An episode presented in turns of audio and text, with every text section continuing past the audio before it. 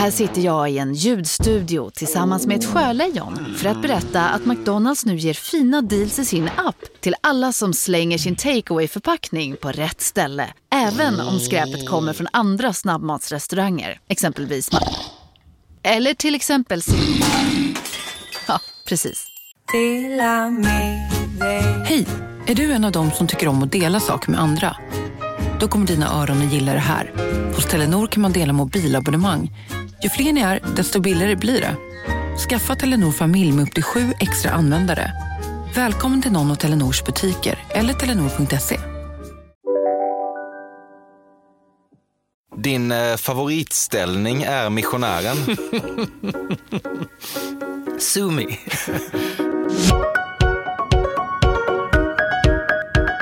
Du lyssnar på Sveriges fördomsfullaste podcast, Fördomspodden, med mig Emil Persson och Café. Istället för att göra en mer traditionell intervju tar jag hit en intressant svensk person och eh, river av mitt supersubjektiva fördomsbatteri. Det är själva konceptet. Och nu har eh, fördomedagen kommit för Fredrik Wikingsson. Extremt komprimerad bakgrund på Fredrik Wikingsson, för jag tror att det räcker, är ju att han tandemcyklar Mediasverige tillsammans med Filip Hammar. Detta vet alla, men det är ändå så. Inte minst är de ju förgrundsgestalter inom det här podcastmediet, men eh, framförallt dock såklart kända från tv. Fredrik har tillsammans med Filip gjort en eh, oändlig massa olika tv-program de senaste 15 åren. Och härnäst är de aktuella med eh, en valvaka i samband med det amerikanska presidentvalet den 8 väl november. Precis som de gjorde 2008 när Barack Obama vann. Eh, det var svinbra då, det kommer säkert att bli precis lika bra den här gången. Kvällen innan valet visas dessutom på kanal 5 minidokumentären I Trumpland med Filip och Fredrik. Kan passa på att slå ett slag för den också. Nu ska jag missionera mindre och spekulera mer. TV4s politiska reporter Anders Pilblad, som också fanns med i bilen under din och Philips mytomspunna USA-resa, den där ni verkligen fann varandra och som låg till grund för ert gemensamma sommarprat, har framfört att han tycker att han är lite orättvist utraderad ur historien. Ja, fy fan alltså. Jag kan tänka mig det. Eh, ja, men, det var, här var ju då 1996 så åkte jag och Filip och Anders, som vi, jag var ju jättenära, jag hade bott hemma hos Anders Pilblad. Filip hade bott hemma hos Anders Pilblad. Han var några år äldre, fast jobb, ordnad ekonomi. Han var ju som en fadersgestalt för flera stycken sådana som jag och Filip som var några år yngre, lite panka. Jag var lärarvikarie då, hade inte så mycket och liksom, så många ben att stå på. Och så säger Anders, Acke som vi kallar honom då, ska vi åka till USA en sväng? Ja, är det okej om jag tar med Filip? Vi, ja, vem var, just det, han jag jobbade med i somras på, på Aftonbladet. Visst, vi åker. Eh, så så gick det till, så bilade vi runt där i en månad och hade ju väldigt, väldigt roligt då. Men, men det, var, det som verkligen hände var ju att jag och Filip upptäckte någonting nytt där. Och det nya slår nästan alltid det gamla på något sätt. Att, att det man, vi, han hade körkortet, han körde bilen. Vi var ju under 26 och var det för dyrt att, att försäkra bilen. Så han fick köra hela sträckan. Vi satt bara i baksätet och söp och började prata om gemensamma såna här värdegrunder som David Bowie, vad fan det kan vara, så här, började spåna på någon filmmanus. Och det är klart att jag många gånger har tänkt att det måste varit smärtsamt för honom att sitta i framsätet och uppleva, om man ska dramatisera det lite grann, att han blir lite frånåkt som vän. För vi, här var det, ny, här var det nyförälskelse i baksätet. Lite referenser som han kanske inte hade så mycket koll på, men som vi fann varandra i. Gubbskit liksom. Och sen så eh, när vi kom hem så var ju vi bästa polare. Och det är klart att det måste varit märkligt för honom. Och dessutom när vi då gör sommarpratet massa år senare så är inte en, nej, men det är också för att det kan nog ha varit så att Filip sa vi borde ju prata om att vi var tre i bilen men att jag är lite fascist men det blir så jävla orent. Låter väldigt mycket Tyskland 30-tal men när det gäller innehåll sådär. Nej, jag, jag, jag tror, vi, vi har messat lite grann med varandra på sistone här nu för att vi skulle ses. Men vi har aldrig riktigt så här, inom citattecken talat ut om det för det är klart att det är ett svek. Det är ju förfärligt. Det händer att du refererar till saker som Pavlovska, trots att du bara har en väldigt vag idé om vad Pavlov sysslade med. Ja, verkligen. Jag tror att jag har fått trygghet i att referera till Pavlov. För jag tror att han, jag inbillar mig att han forskar kring instinkter och sånt där. Att Pavlovs hund tror jag.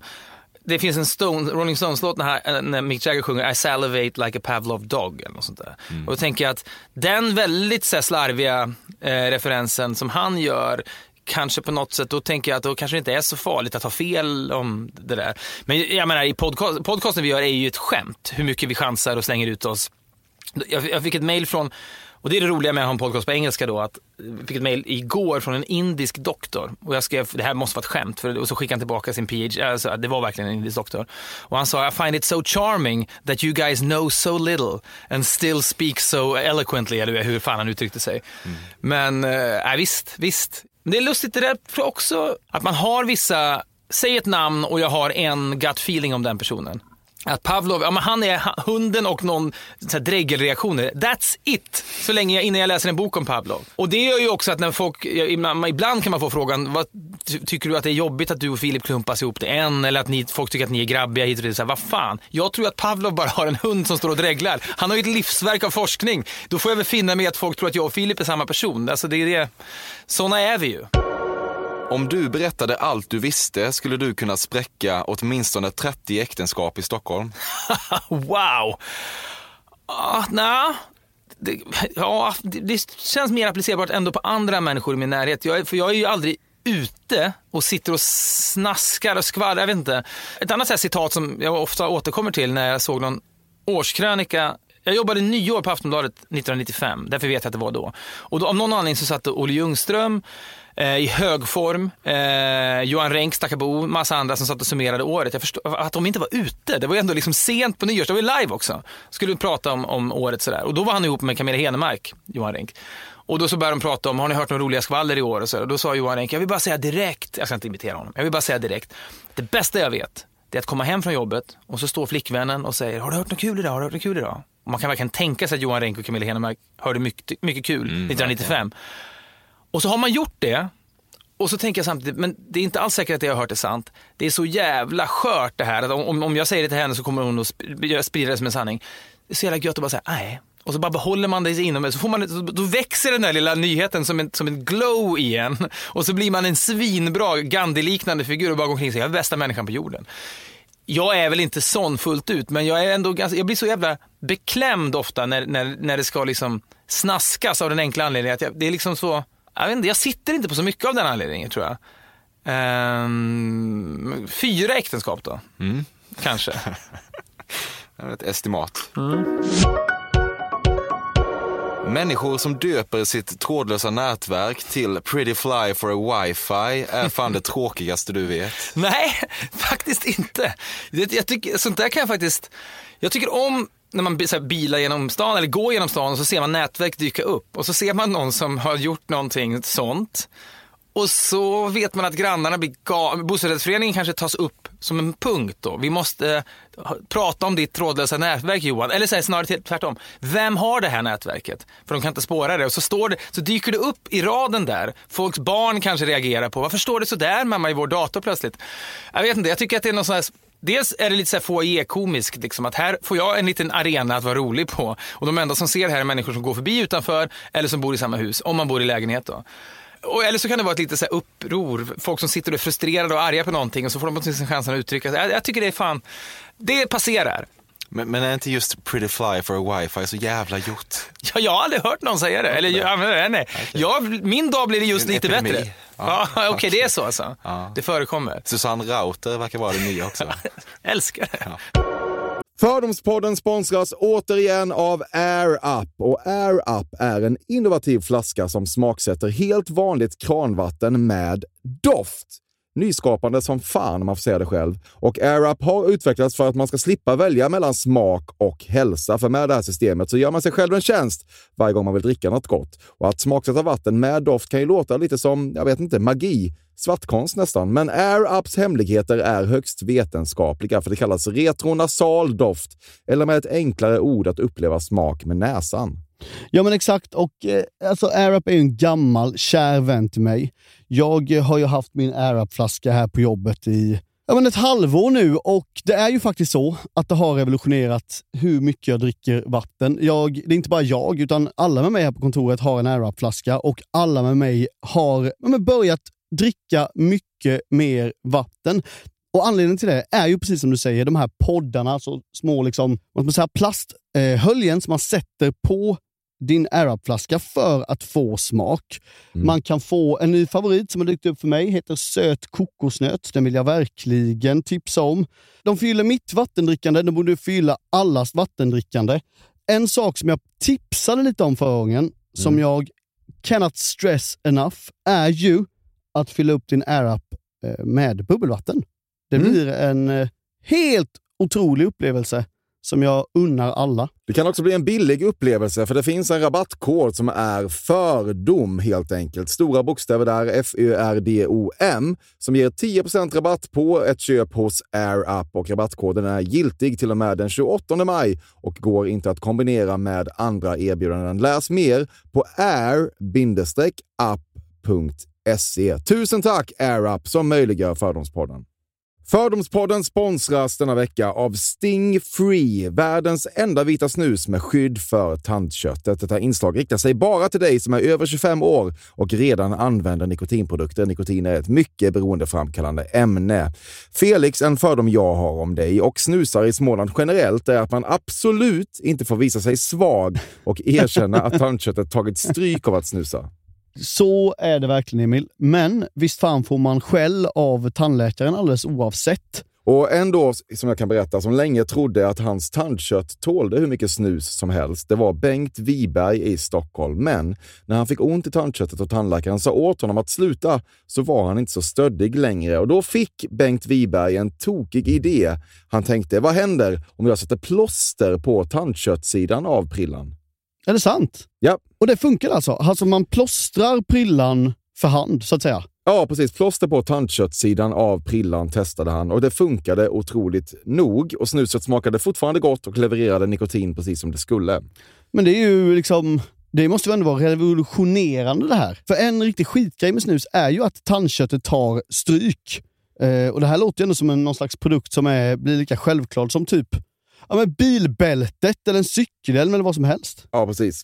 Ja, men vi, vi är många som har haft problem med det här genom åren sannoliken. Och nu är den här idén patenterad och istället för plåster så är det blå skyddet inbyggt i prillorna. Och Sting Frees produkter finns att köpa i butik och på nätet. Så läs mer om världens enda vita snus med skydd för tandköttet på stingfree.se. Tack Sting Free! Och tack Bengt Wiberg. Verkligen. Fördomspodden sponsras av Bastard Burgers som är den norrländska burgarkedjan som ju finns över hela landet plus i Oslo, i Helsingfors och New York och de serverar svenskt nötkött och har en stor vegansk meny. Och vi ska prata lite mer om det här eh, signaturburgarkonceptet för 2024 som går ut på att det varannan månad presenteras två nygamla signaturburgare som gör efterlängtad comeback på Bastard Burgers och det heter ju Hall of Fame. Ja men det ska vi verkligen, men innan vi ska dit så skulle jag vilja lyfta en sak Emil. Nu kommer sommaren, nu kommer after work-tiden. Man känner hur det spritter i benen. Ta den after work på Bastard Burgers, för vet du, förutom liksom den härliga ambiansen så har de ju spicy nuggets på menyn. Vi pratade om detta förra veckan. De har ju haft chicken nuggets på menyn ett tag, men nu finns det alltså spicy nuggets. De har tagit det till en nivå till. Det skulle jag verkligen vilja tipsa om nu när sommaren kommer. Att öl eller någon annan slags beverage och spicy nuggets, där har du en AV i min smak. Mm. Och också det, just det här att Spicy Nuggets nu kommer finnas permanent på Just menyn. det, Jag tycker det finns verkligen. en otrygghet i, i, i vissa eh, matkedjor när, när vissa grejer bara återkommer då och då och man vet aldrig om ens favoriter finns där. Men Spicy Nuggets som är godare än vanliga nuggets som man är lagd åt ett spicy Mm, hållet, vilket jag är, kommer nu alltid finnas där. Det finns en trygghet i det. Jag vill också slå ett slag för att det nu i maj släpps även en ny signaturburgare och det är alltså ingen mindre än The Notorious Chili Cheese. En burgare med chili cheese på. Man minns när chili cheesen kom in i ens liv och förändrade livet till det bättre. Det är ostigt, det är starkt, det är otroligt. Det innehåller alltså massa ost och lite jalapeno. Och allt detta kan du såklart få om du laddar ner appen för Bastard Burgers och beställer eller för guds skull går till en fysisk restaurang. Tusen tack Bastard Burgers som möjliggör Fördomspodden. Tack Bastard! Du är eh, vanligtvis inte en människa som hemfaller till kvällstidningsförakt och eh, du vet ju mycket väl hur saker och ting funkar i den världen. Men i takt med att Drevet sökt dig för en kommentar om Philips separation har du fan blivit förbannad på riktigt och läst lusen av ett tiotal olika journalister den senaste månaden. Sanningen är att ingen har ringt mig. Ingen har ringt mig om det. Och det är, jag antar att de Nej, det var någon som messade så här, jag får inte tag på Filip, ska ni göra breaking news ikväll? Någon, något sånt där. Och då svarade jag, du får väl titta eller något, du vet något sånt där. Men jag, jag vet inte fan, jag tror att, jag, jag vet inte om jag, jag jobbar på Aftonbladet själv, jag tror aldrig att jag ringde på någon skilsmässa. Men man var ju där och nosade i den sortens liksom, eller i och för sig jag var mer så här, Sök upp Stefan Andersson, mannen som skrev Catch the Moon, för hans andra skiva har inte alls sålt lika bra. Och det är, då ringer man ju upp Stefan Andersson och vill göra en intervju och då vet, säger man ju inte vi vill prata om hur dåligt den andra skivan har gått, utan man säger jag vill göra en intervju, punkt. Och sen blir ju vinkeln ganska tydligt så här, Stefan Andersson om fiaskoskivan eller sådär. Och det, då, då sitter man där med dubbla, eller så här falska förespeglingar och då mår man lite dåligt och då är man en del av det där. Och därför har jag och Filip liksom, vi har inte mandat att klaga på det där. Men faktiskt har ingen hört av sig till mig om det. Men då är det för att de fattar att jag inte skulle säga någonting. Du eh, spelar alltid ner dess betydelse och eh, är för den delen inte ens med i år. Men eh, på sikt kommer du inte att sluta delta i På spåret förrän du och Filip har vunnit. Vi kommer aldrig, nu fick jag höra nu av någon som var med, att Kristin Lundell och Johan Hilton är ett par.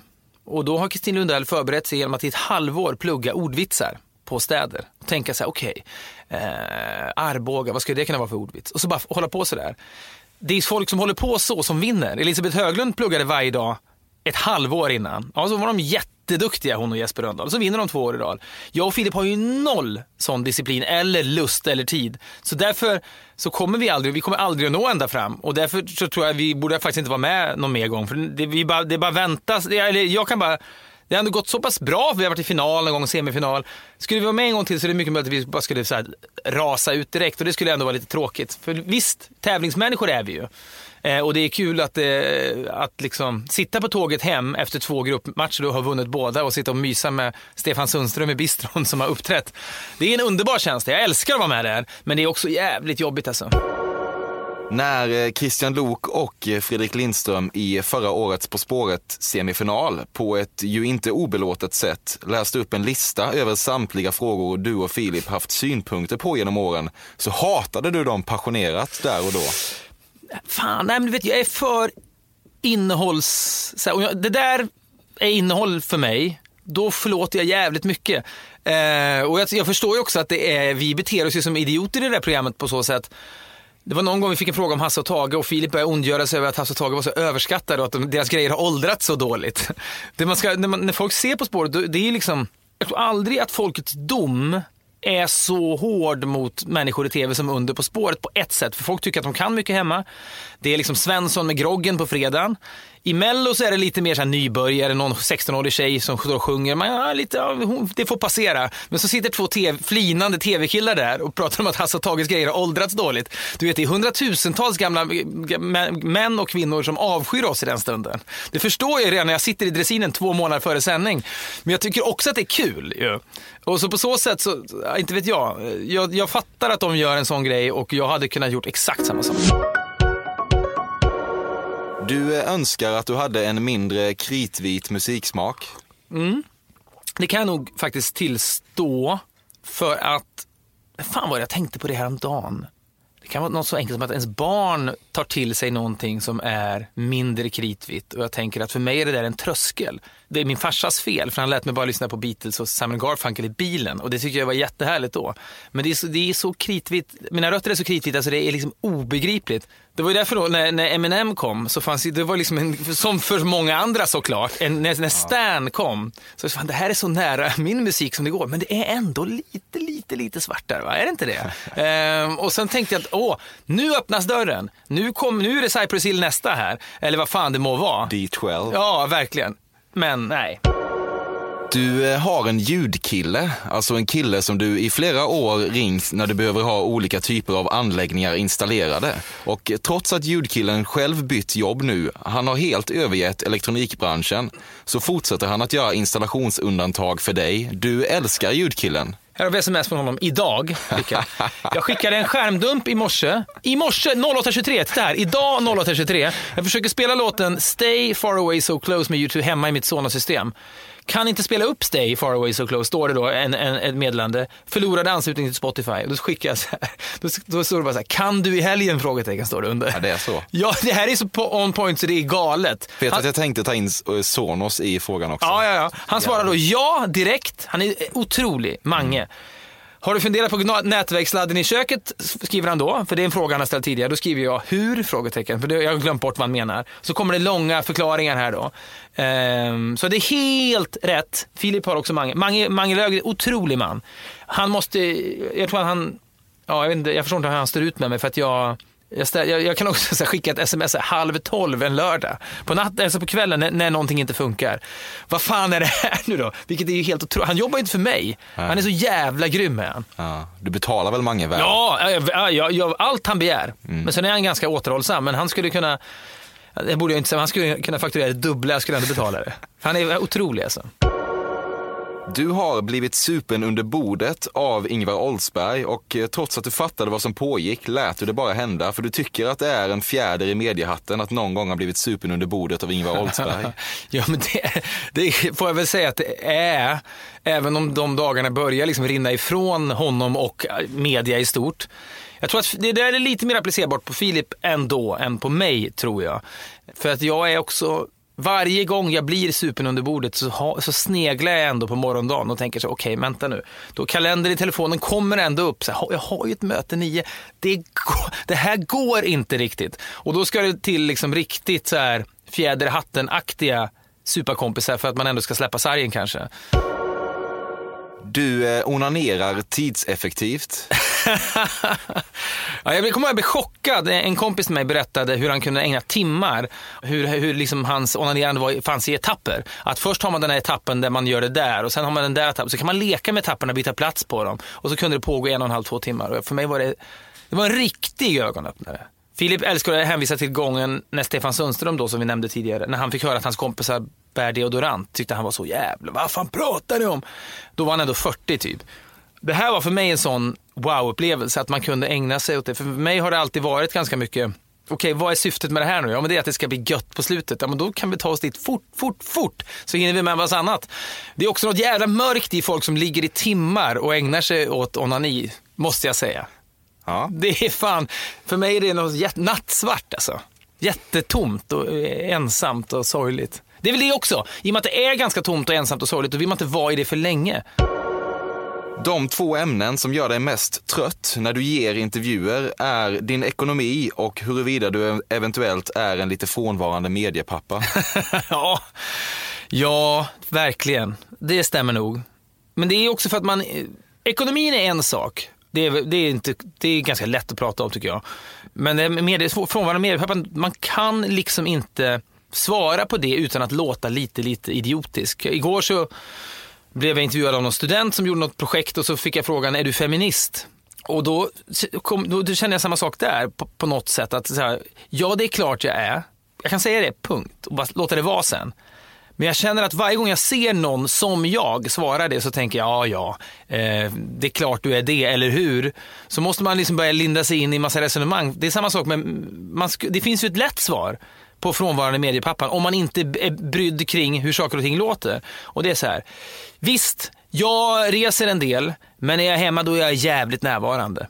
Om jag nöjer mig med den klyschan och tänker att det där kommer folk att tro på och inte vara cyniska kring som jag är när jag läser saker. Då säger jag ju bara det och så tycker jag att det är ett get out of jail free card och så har jag, ja, jag, knäck, jag knäckt koden. Så där svarar man när man är ute och reser mycket.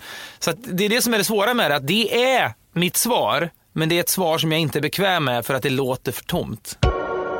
Om ni inte filmat ett inslag till Breaking News samtidigt hade du svarat betydligt trevligare till alla tidningar som ringde och bad om en kommentar efter det att Dylan tilldelas Nobelpriset i litteratur. Um, nej, det hade jag. Eller trevligt, det är också så här det sanningen var att det var ju tokigt på så sätt att det ringde hela tiden och på andra linjen. Så det var aldrig ett samtal. Det var verkligen någon slags parodi att på, på nu det här är sån humble brag så det liknar ingenting, men på fyra minuter så hade liksom kanske 18 tidningar eller mediesammanhang ringt exakt samtidigt. Vilket innebär att eftersom de filmade på redaktionen och vi gjorde ett litet inslag om den här liksom, vad ska man säga, Dylan liksom, hysterin just den dagen.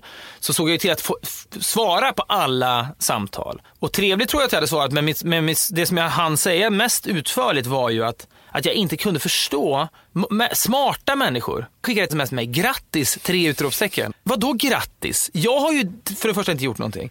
Jag håller ju inte på Dylan. Det är inte så att jag, som, eh, jag menar, Nick Hornby skrev den här boken Fever Pitch och beskriver då som Arsenal-fan. När de vann ligan, vilket år det kan ha varit, vilket var det? De vann för första gången på länge, eller om FA-cupen, någonting vann de. Och då får han en massa exakt tillrop. Ja, vi vet att du är Arsenal-killen, så nu tänker vi på dig, vi som inte har, håller på något lag på riktigt. Så här, kul för dig. Hade jag varit den så, jag har hållit på Leicester i alla år. Nu vinner Leicester. Grattis! Ja, fan, jag har inte spelat men jag är så jävla glad nu. Jag har liksom på, på riktigt så, jag förstår att man, det enkla är att bara säga, ah, jättekul att du gillar man. Men jag känner ju ingenting för det. Ing, alltså, och, och, min mamma ringde så här, kan du inte vara trevlig? Det är klart du blir glad. Ja, men om vi verkligen försöker, om, om man tillåter sig själv att vara ärlig och inte bara spela med och säga, ja, ja, ja, vad känner jag på riktigt? Han har betytt mer för mig än någon, förutom min familj, så, och ja, Filip kanske då, men så har Bob Dylan betytt mest. Alltså det, är inget, det, är liksom, det är 25 år av rå, intensiv passion. Och liksom så här, man har gått till honom i alla situationer. Man har suttit rädd på någon flygplats, man har suttit liksom hjärtekrossad i någon jävla studentlägenhet. Han har varit med jämt, han har betytt mest. Och så bestämmer sig Svenska Akademin för att han också är bra. Varför skulle det betyda någonting för mig egentligen? Och det är därför jag menar, det är uppfriskande ibland att bara säga så här, men jag bryr mig ju inte. Och då, för att man verkligen känner så. Och då, men jag har fått, jätte, jag har fått mer skit för det på, i sociala medier än något annat jag har gjort på tio år. För folk säger, kan du inte bara glädja dig? Men varför? Jag förstår fortfarande inte det. Leonard Cohen sa någonstans att det är som att sätta en medalj på Mount Everest. Grattis, du är det högsta berget. Det skulle jag inte heller brytt mig om, så att säga. Det är samma sak. Du tycker att du aldrig varit snyggare än vad du är nu, även om du är mån att inte utstråla just detta. jag, det, jag har ju gjort breaking news precis nu i sex veckor, så jag har alltså suttit framför en spegel väldigt ofta i sex veckor. Och, det är, och sett liksom mer och mer ut som ett ras för varje vecka som går. Det låter som, vadå ras? Hur jobbigt kan det vara att göra det? Det är ganska jobbigt att göra det programmet. Eh, och jag förstår att det finns amerikanska talkshow-hosts som gör det året runt och det är ett mirakel för mig. Jag skrattade högt när James Corden, som jag har sådana starka känslor för, berättade att han tackade ja till att ta talkshow-jobbet i USA för citat familjens skull. Och jag bara, what? Vad fan? Och, och, jag tror att det var hos Mark Maron. Och ingen, för, vad menar du nu? Vänta nu, det där låter ju bra. Men det är väl tvärtom. Familjen, du, du ser väl aldrig dem? Du jobbar ju jämt. Mm. Du gör virala grejer, du gör det här programmet varje dag. Eh, och det är så, här, så då har jag då suttit framför den här spegeln och sett eh, risigare och risigare ut och det har då funnits en, en stödgrupp i form av människor i sminket som, alltså, som 99% av deras jobb är att få mig att se presentabel ut och alla människor som är med i programmet. Men 1% att säga, men gud vad du ser fräsch ut idag. Som någon slags mental pepp. Jag undrar om det är en del av utbildningen. Du måste också säga att håret är tjockt, att liksom huden är fin. Man får höra så mycket sånt där fast man sitter i spegeln och ser raka motsatsen. Så att jag har varit väldigt, jag har varit väldigt liksom insnöad i mitt eget utseende de senaste veckorna och bara känt att eh, det är för jävligt alltså. men det var starkt i, jag tror jag nämnde det i något program, men jag sitter i sminket och så har vi en sms-kedja i, i redaktionen med 12 medlemmar och då kan det plinga jävligt mycket i den. Framförallt en, en kväll när vi ska spela in så här, Eva Blom är försenad eller vem förkör Patrik Sjöberg? Komma så här. Då plingar det ju. Och då var jag så jävla stressad och slutkörde just den här dagen. Och då plingar det liksom hela ping, ping, ping. Så jag till slut så bara, och det, i, runt omkring mig så sminkas det människor. Det är liksom en, en vanlig stund i sminket. Och jag bara, men kan ni hålla käften? Och så sätter jag telefonen på ljudlös och så är jag liksom nöjd sen. Och sen så tänker jag först fem minuter senare, nu är det väldigt tyst i det här rummet. Och jag inser då att alla i rummet har tolkat som att jag skriker till dem. Som du vet, kvittrar i sminket. Oh, kan ni hålla käften? Och det blir tyst.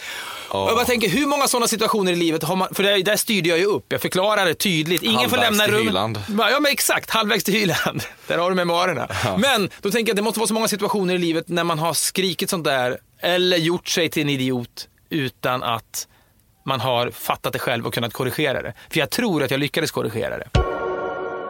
Ibland när du ser eh, pressbilder med din patenterade fotomin, ett eh, ögonbryn högt upphissat över det andra, blir du obeskrivligt trött på dig själv. Åh, oh, fy fan. Det, det kan jag inte ens kontrollera själv måste jag säga. Jag, eh, det var någon som gjorde, jag vet inte det var kanske Schulman show eller någon, någon, något sammanhang jag var med i, så hade de gjort ett, ett montage av när jag gör påer i Breaking News och, och, och då är det dags för att gå vidare mot, du vet någonting sånt där. Och då åker ena ögonbrynet upp och andra åker jag, jag, när jag, jag har ju tänkt på det, fått höra det mycket Folk tycker om att påpeka sånt där. Jag kan inte, inte för tänker jag på det, då kan jag inte prata. Så det är hemskt. Och fotominen är väl också, jag menar, det var ju konstigt när man började med tv. Jag och Filip var väl 30 när vi började med Jag var 30 när vi började med High Chaparral. Och man plötsligt skulle börja ta, stå, i en fotostudio ta bilder. Jag hade ju varit, jobbat på café, jag hade ju varit med under fotograferingar. Jag har aldrig stått framför någon fond och blivit plåtad själv. Så det var ju fruktansvärt obekvämt att plötsligt stå och titta in i kameran och så står någon fotograf och skriker att man ska kom igen!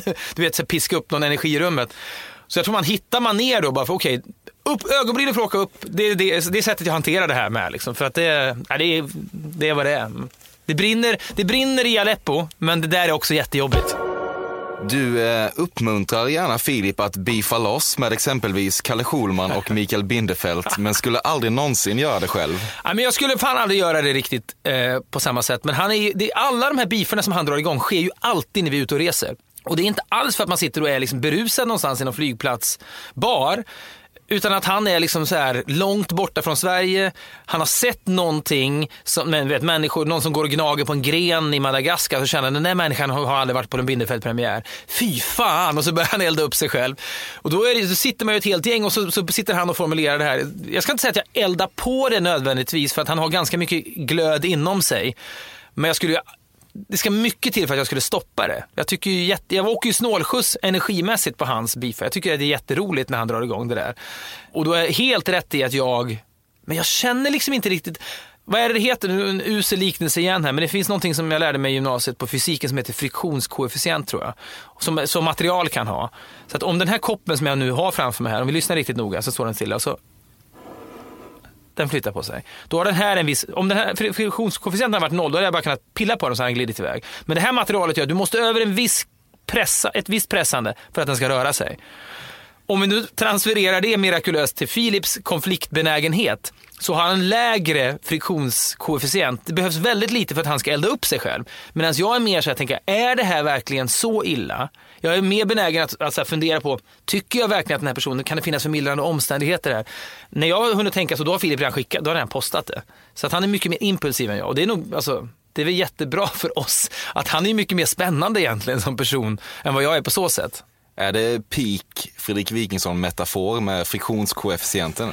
Ja, usch! Det är klart man kan, det, det skulle, nästa fråga skulle kunna vara, blir du trött på dig själv när du tar upp friktionskoefficienten? Nej men jag vet inte fan, jag tycker om, vad fan det är ju halva vår jävla podcast egentligen, att man kan ha den typen av liksom eh, stickspår. Hade Filip suttit där så hade han ju liksom kanske gjort ner mig eh, för den, vilket du delvis också gör här. Men Nej, jag vet inte. Ja, det är för få människor i Sverige som gör den typen av tankesprång och där behövs jag.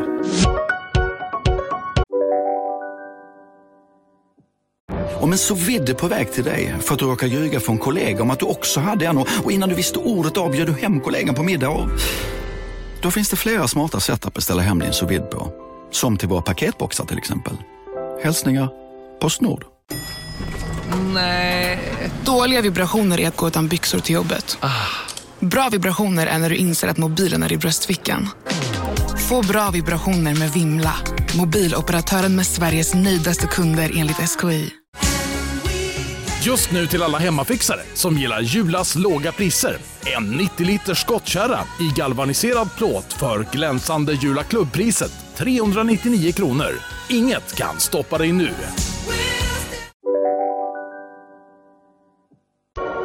Ibland eh, funderar du ändå på om din eh, friflödande energi i själva verket härstammar från något så modernt som en ADHD-diagnos. Ja, vi gjorde något breaking news-inslag om eh, psykisk, vi gjorde någon flanellograf om eh, att man slänger sig så. Psykisk ohälsa är den sortens ohälsa som man slänger sig med flest diagnoser. Du har fan Tourettes eller du, har ju, du är schizo. Alltså, det finns, man, man bara kastar mm, sig med allt. Ja, ja, men då, och då minns jag att vi, vi enades om att vi just så här, frasen man säger med mest så säga, lite så stolthet eller eh, det är så här, men någon slags bokstavskombination har jag ju och gärna på göteborgska sa vi att någon slags bokstavskombination har jag ju.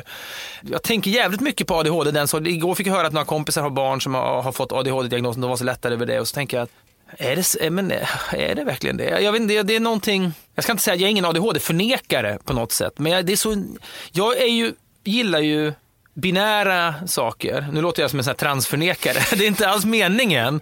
Det är inte det jag menar. Men att, att antingen är man sjuk eller så är man frisk. Jag gillar inte eh, sliding scales riktigt. Och jag menar, så antingen har man liksom feber eller inte, det går att mäta. Men det är någonting så jävla godtyckligt och svår diagnostiserat med ADHD. För om jag skulle göra ett ADHD-test då, och så får man massa frågor. Har du någon gång upplevt att du har svårt att koncentrera dig? Vad fan betyder... Det är väldigt många ord som jag måste definiera och tycka exakt likadant om som människor som ställer frågan. Någon gång, svårt, koncentrerad. Du vet så här, det finns så många variabler där så att jag känner... Ja, jag, önskar, jag hade jag hade älskat om det fanns ett blodprov där man kunde testa ADHD, ja eller nej. Ja visst, och så kan du ha olika mängd såklart. Då kanske man kan ha tre, fyra eller fem. Men jag vet inte fan alltså. Jag, återigen, jag förnekar det inte, men det är någonting med det där som gör att jag inte ens orkar fundera på det. Komikern eh, Amy Schumer är lite överskattad, men eh, samtidigt kommer is inte tunnare än så här. det är kul med is. Vi har, det, var vårt patent, vi får, det kommer alltid nya uttryck när vi gör breaking news. Att, att, uh, varje säsong så sitter man på redaktionen under mötena och så säger man saker. Det senaste, jag tror det var Andre Walden som lanserade, nu knakar det i isen. När man säger någonting som man knappt får säga. Och det är då det börjar bli, så när, när någon under ett möte säger, ja nu knakar det lite grann i isen, men då lyssnar man ju extra noga för då blir det ju spännande också. Eh, och det gör det ju sannerligen med henne. Det är, också, det är lite som när Dylan får Nobelpriset. Visst är du glad? Det måste du väl vara? Du måste väl tycka att det här var bra? Och då sa jag, men det är ju stand-up. Hur bra kan det bli? Det kan inte bli bättre än tre. Det är ju stand-up. Det är så här, det här går en människa in och låtsas att någonting sker lite på uppstuds. Och jag kommer att tänka på det här nu, det här hände i taxin. Det vet vi ju att det inte gjorde. Så det är samma sorts suspension of disbelief som det är i en långfilm eller någonting. Men i en långfilm har du ju flera hundra miljoner i liksom specialeffekter. Så jag har liksom svårt för det där. Men, men så här, det hon inte underskattade är ju de, de briljantaste sketcherna från hennes show. Alltså så här, eh, Last fuckable day eller den här 12 angry men pastischerna. De är ju genialiska. För det är, det är så konceptuellt briljant. Det, det, där är det liksom inget snack, där är det geni. Men en stand-up eller den här boken som jag börjar bläddra i, det går inte att läsa, det är hopplöst. Men det är, så är det ju, jag fattar ju också när människor skriver de där böckerna. Det är så här, förskott 8 miljoner dollar och så ska det vara lite, det får gärna vara sex i första meningen så att man folk känner, oh här finns det lite juice och sen så, äh fy fan, skit. Men, men, men med det sagt så här, briljans på, i showen. Du är aldrig mer självgod än när du vandrar från breaking news-desken till flanellografen.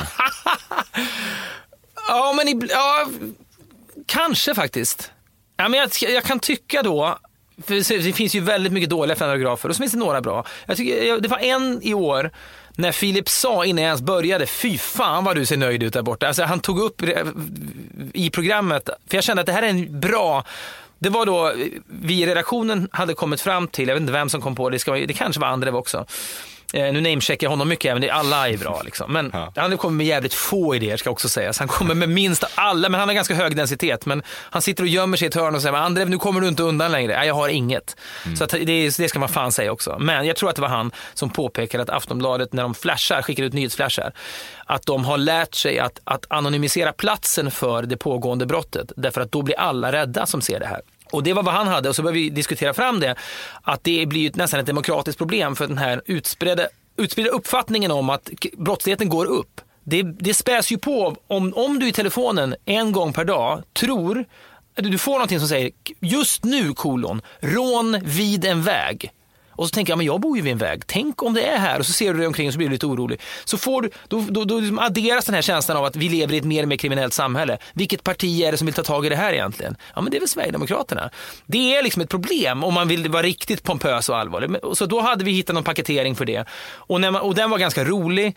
Eh, och det, jag älskar den här stora flanellografen som är liksom fyra meter bred. Och då, när jag då står och vet att nu har jag två minuter med en liten pekpinne, jag får vara lite Magnus Härenstam, det säger någonting om vår tid, vilken jävla ynnest det få göra det här, nu har vi liksom filat på det, då tycker jag att det är jävligt roligt. Jag, visst, jag är nog mest hybrisdrabbad där och självgod, men jag tycker också att mitt jobb är som roligast där. Så det, det hänger liksom ihop. Din eh, favoritställning är missionären. Sumi. ja, men det har, det har, det har det, ja, vad fan ska jag säga? Det är, så jävla, det är så jävla svårt att prata om, för man involverar andra människor. Eh, och jag kan, jag kan se med och lyssna med häpenhet på, låt säga en Howard Stern om vi ska ta en amerikansk referens som alltid varit väldigt öppen med liksom så här, ja men igår provade jag och min fru det här första gången. Eh, igår var det buttplug-läge på mig för första gången och, då, och hon stod och kämpade in med den där och så tänker jag att någonstans går hon in på en arbetsplats just nu och folk, alla vet om det här om henne och hon vill ju inte att de ska veta det. Så på så sätt är det svårt att snacka om, men ja absolut. Vad är det för fel på den om jag får fråga? I eh, relationskonflikter har du ofta fått försvara och förklara det faktum att du inte upplevs tillräckligt ledsen över saker, kanske främst manifesterat genom att du då inte gråter. Precis. Det jag, det jag gör, och det, det, det, här kan låta som någon slags koketteri möjligen, men jag, jag känner ingen som gråter mer åt populärkultur, alltså filmer och tv-serier. Jag kan gråta vid de mest bisarra naturdokumentärer, vad som helst. Mina barn är jättetrötta på det. Pappa, för jag får det här, det är ljudet. jag kan inte låta bli. Och ja, men det är det ljudet som Alex Schumann ibland får i sin podcast när han också lägger till, det är så starkt, det är så starkt. Det säger jag inte då, utan jag säger bara, så mina barn, pappa! För jag blir så jävla gripen. Men det kan också mycket väl vara en ventil för att jag i mitt verkliga liv aldrig gråter.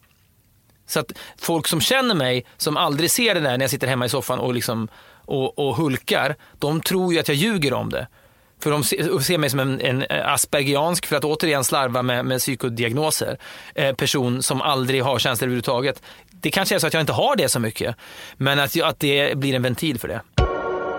Du eh, gillar att eh, förminska din sångröst. Metallisk är eh, adjektivet du älskar att återkomma till. Men i själva verket tycker du att du ändå sjunger ganska fint.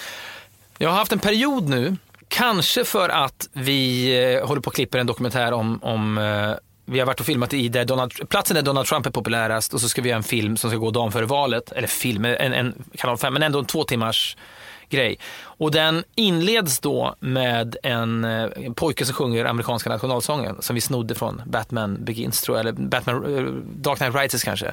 Eh, när Bane spränger den här fotbollsstadion och så står en pojke och sjunger Oh say. Ja. Så jag har varit väldigt besatt av Star Spangled Banner på sistone och i Filmhuset har de en korridor som är så jävla lämpad för eller a cappella-sång tycker jag. Det är inte säkert att alla människor som filmar samtidigt tycker det.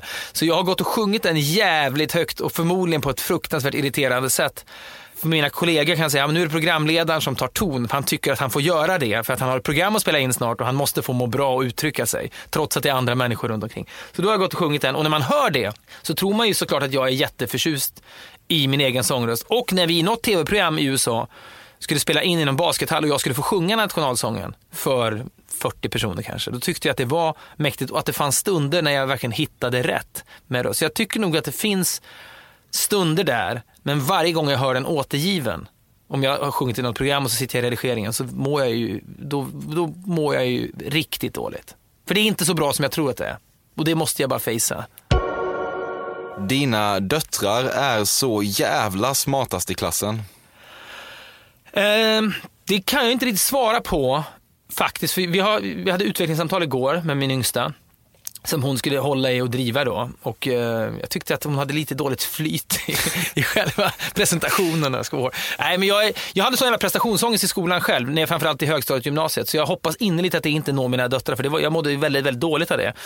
Mina, min mamma kommer slet ut mig från rummet och du måste sluta plugga nu, det är fredag kväll och sådär.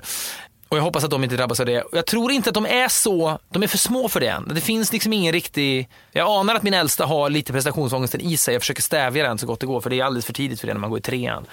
Um, men hon blev framröstad i klassen till att vara elev, vad fan, trygg, jag lär mig aldrig vad det heter nu. Det är sån det är tre stycken i klassen som på rasterna ser till att det inte förekommer mobbing. En slags och ombud. Ja, men lite så här trivselelev eller vad fan det nu mm. heter. Att folk ska ha det bra. Jag blev väldigt, väldigt stolt då.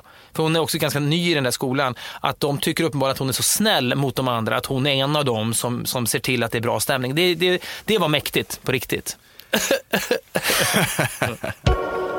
Du eh, tycker att eh, Filip Hammar är Sveriges mest begåvade människa? Nej, det tycker jag ju inte. Men det han är begåvad på är han bäst på. Det tycker jag verkligen och där har jag haft jävla tur. Att han har någon slags... Eh...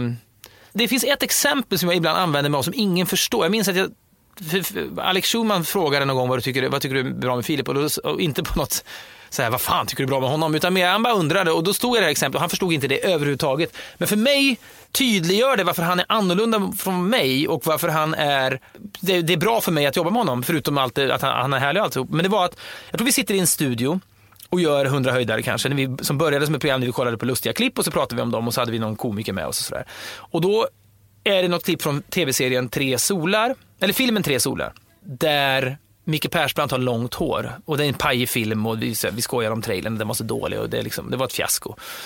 Och då har Micke Persbrandt långt stripigt hår, den utspelar sig på medeltiden. Och så säger jag, när vi kommer tillbaka på klippet, det är lite grann Micke Persbrandt som Gandalf, säger jag. För det är ju vad jag har sett. Och då säger jag det rakt Mm. ut. Och då säger Filip, man skulle vilja se Micke Persbrandt som Gandhi, säger han. Vilket är en sån här helt hjärndöd, det har ingenting det är, det är verkligen helt väsensskilt från det vi har sett. Men det är bara att Gandhi och Gandalf börjar på samma bokstäver.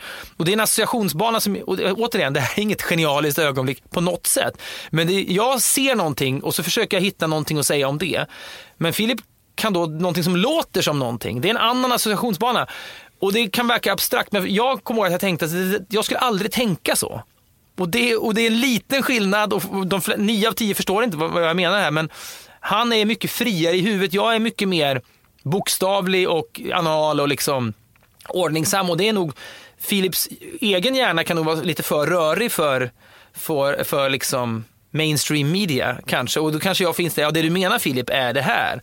Så att vi stagar upp varandra på något sätt. Men just den där associationsförmågan och, och ja, kunskapen att liksom trolla upp saker ur en hatt om hans huvud är en hatt. Inte, Det är han väldigt, väldigt bra på.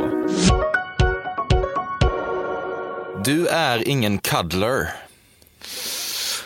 Fast jag är nog heller ingen okaddler. Jag tror att jag, jag har alltid haft katt från att jag var fyra år och var extremt, jag höll på att gosa med den. Jag gosar väldigt mycket med mina barn eh, mot, mot deras vilja. Och jag menar vad fan, ja, jag är nog en sem, semi-cuddler. Jag är verkligen inte okaddlig heller. Det var väl inget fel på Coca-Cola Life? vad menar du med det? Att jag tycker att det var fel på det eller? Nej, tvärtom. Du tyckte inte det? Jag smakade nog aldrig den. Vet du vad? Det är också så här, det är någonting, jag tycker det är intressant när man kommer på hur, när man inser hur jävla svag och impuls, kanske Pavlovsk, men eh, paketeringsstyrd man är. Bara för att den hade en grön logga så köpte jag den aldrig. Du har alltid ömmat lite för Erik och Mackan. Fy fan, vad förminskande. Nej, gud, vad fan. De, de har väl haft jättemycket roligt och har väl fortfarande antar jag. Men eh, jag bara inbillar mig att jag och Filip haft lite, vi har varit lite friare kanske och inte lika kanske tillsagda uppifrån vad, vad vi ska göra. För att vi har kunnat säga nu vill vi göra en amerikansk valvaka eller nu sådär och då har vi fått göra det vilket är helt fantastiskt. Förlåt, det är lite hickig. Det är helt fantastiskt egentligen med tanke på kanal 5s vanliga utbud. Och det känns inte som att de har haft samma frihet riktigt. Så det kan jag väl känna att vi har haft tur, men jag tycker inte synd om dem på något sätt. Du eh, led i din ungdom av eh, mycket trång förhud och plöjde många sexspalter med Malena Ivarsson för att försäkra dig om att du var normal. Ja! Hur, fan vet du det? det ju, har du också, hade du också det? Det vill, det vill du inte prata om kanske? Det handlar inte om det. Ja, det fanns en viss period av Ja, osäkerhet och Jätte, eh, jätte, obekvämlighet. jättetrång Ja. och det var ju jätteoroväckande och man tänkte ska man behöva göra något ingrepp här? Och sen jag minns ja, så tydligt så det är inte klokt första gången det gick att rulla bak den. Mm. När den bara, fan den, det var nästan så att det kändes som att falla fritt nästan. Att liksom, ska den fortsätta rulla? Alltså, kommer jag få tillbaka den över? Och så, ja, det var jätte, jätteladdat var det. Aha. Jätteladdat. Men eh, sen så, så fort man första gången inser att det här har löst sig, då är, är ju det, nu har, jag har ju inte tänkt på det på 20 år, men nu när du tar upp det så inser jag att det var ju ett stort sår alltså. Du tycker att uh, hypen kring eh, Great Jones Café är lite överdriven. Det finns bättre ställen på Manhattan. Hypen, hype och hype.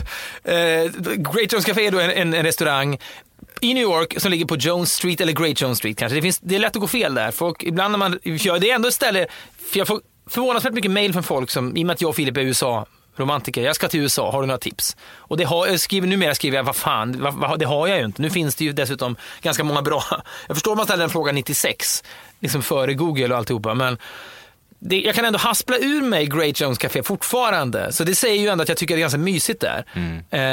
Eh, så nej, men en hype är det ju inte värt. Men jag har ju säkert rekommenderat det tio gånger bara i år. Det är mycket. Ja, ja. Kycklingvingarna där och så vidare. Ja, jukeboxen. Ja, men väntar man sig någonting när man kommer dit, vad fan, vad fan pratar de? Det här är ju ingenting. För det är det ju inte egentligen. Men jag, jag är nog där. Nu låter det som att jag är i New York jämt, men om jag är i New York fyra, fem gånger per år så kanske jag åtminstone två gånger är där. Du har eh, aldrig ens varit i närheten av att tatuera dig. Nej, det har jag nog faktiskt inte. Jag, jag har nog... Eh, jag har nog gått förbi platser, jag har tänkt så här, vilket Dylan-citat skulle man ha där, men nej, nej. Faktiskt inte. Du har fått det förklarat för dig att eh, ett av Jan Helins stora prestigeprojekt på SVT kommer att vara att få dit dig och Filip. nej, det har jag verkligen inte fått förklarat för mig. Eh, men jag ska äta lunch med honom imorgon. Ja, där. Ja, Ja, så att, det- du är du är, men, Förutsättningslöst. Ja, men vi, det är också lite grann i och i och med att vi, vårt produktionsbolag har gjort eh, Lars Lerin-programmet, vi har gjort eh, Gympaläraren och Fråga Lund. Så vi har gjort ganska många lyckade SVT-program och vill fortsätta med det. Eh, för att det, de reflekterar ganska mycket vad vi vill vara, signalera som bolag. Där och där. Det finns många sorters TV. Man kan göra liksom Paradise Hotel-TV, Ex on the Beach-TV och sådär. Den där fåran tycker vi är ganska rolig att vara i. Eller väldigt rolig att vara i. Så att det känns jättekul att få träffa honom sådär. Och han verkar ju, ja, det, det är väl lustigt. Men nej, det vet fan. Men eh, det är klart att folk, det, det, frågan har ställts ibland, har ni, skulle ni vilja vara på SVT och sådär. Men det man måste ha klart för sig ändå är att vi har sån otrolig frihet på kanal 5. Jag tror inte att vi skulle få göra en valvaka om amerikanska valet, för då skulle vi vara kvar, tillbaka i Hello Sydney. Då skulle vi vara webbkillar åt Aktuellt-redaktionen ju. Och Mats skulle- Knutsson. Ja, men då skulle vi vara någon sån sidekick som skulle säga vad som händer på nätet. Medan vi i, eh, på kanal 5 får leda programmet, välja in gäster och så vidare. Eh, och Breaking News säger någon, det borde gå på SVT. Ja, men där kan man inte säga sådana här saker om Sverigedemokraterna som vi säger. Då måste man vara superbalanserad och liksom public service, eh, vilket har sina förtjänster. Men, men inte om man vill göra ett drastiskt liksom, Breaking News-program. Då måste man kunna säga precis vad fan man vill. Ehm, så nej, det har inte fått det förklarat för mig, men det vore väl jättemysigt om han vill ha oss. Hur eh, var det här då? Jag, jag tyckte det var kul eh, och jag tycker du är väldigt duktig på sånt här. Jag tänkte på det när jag läste din Marcus Oskarsson-intervju, att du har så många godbitar i bisatser som är så jävla observatoriskt skickliga, alltså observationsskickliga. Ehm, och det tycker jag du för in i det här också. Eh, inte bara i min utan även i andra intervjuer. Jag tycker att det är eh, jättebra sätt att ta podden till nästa steg. Det var väldigt gulligt sagt. Det var inte det jag fiskade efter. Nej, men jag tycker, och jag tycker så här. Du var on point med några grejer här. Det kändes som en, som en mild, en ytterst mild och eh, inte alls obehaglig roast. Vi kan nämna då att eh, Marcus Oskarsson är på omslaget av Nya Café och eh, uppmanar folk att, att köpa den tidningen. Mm. Verkligen. Det är, det är en, en, en fenomenal intervju med en fenomenal man.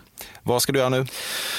Nu ska jag åka ha ett möte med en tänkbar First Assistant Director som då är en människa som, när jag och Filip ska göra långfilm i vår så ska den personen vara nära oss och komma med, säga saker som, men nu måste vi skynda på den här scenen för vi ska vara i andra änden av Köping om 20 minuter. Fredrik Wikingsson, tack för att du var del av Fördomspodden. Tack!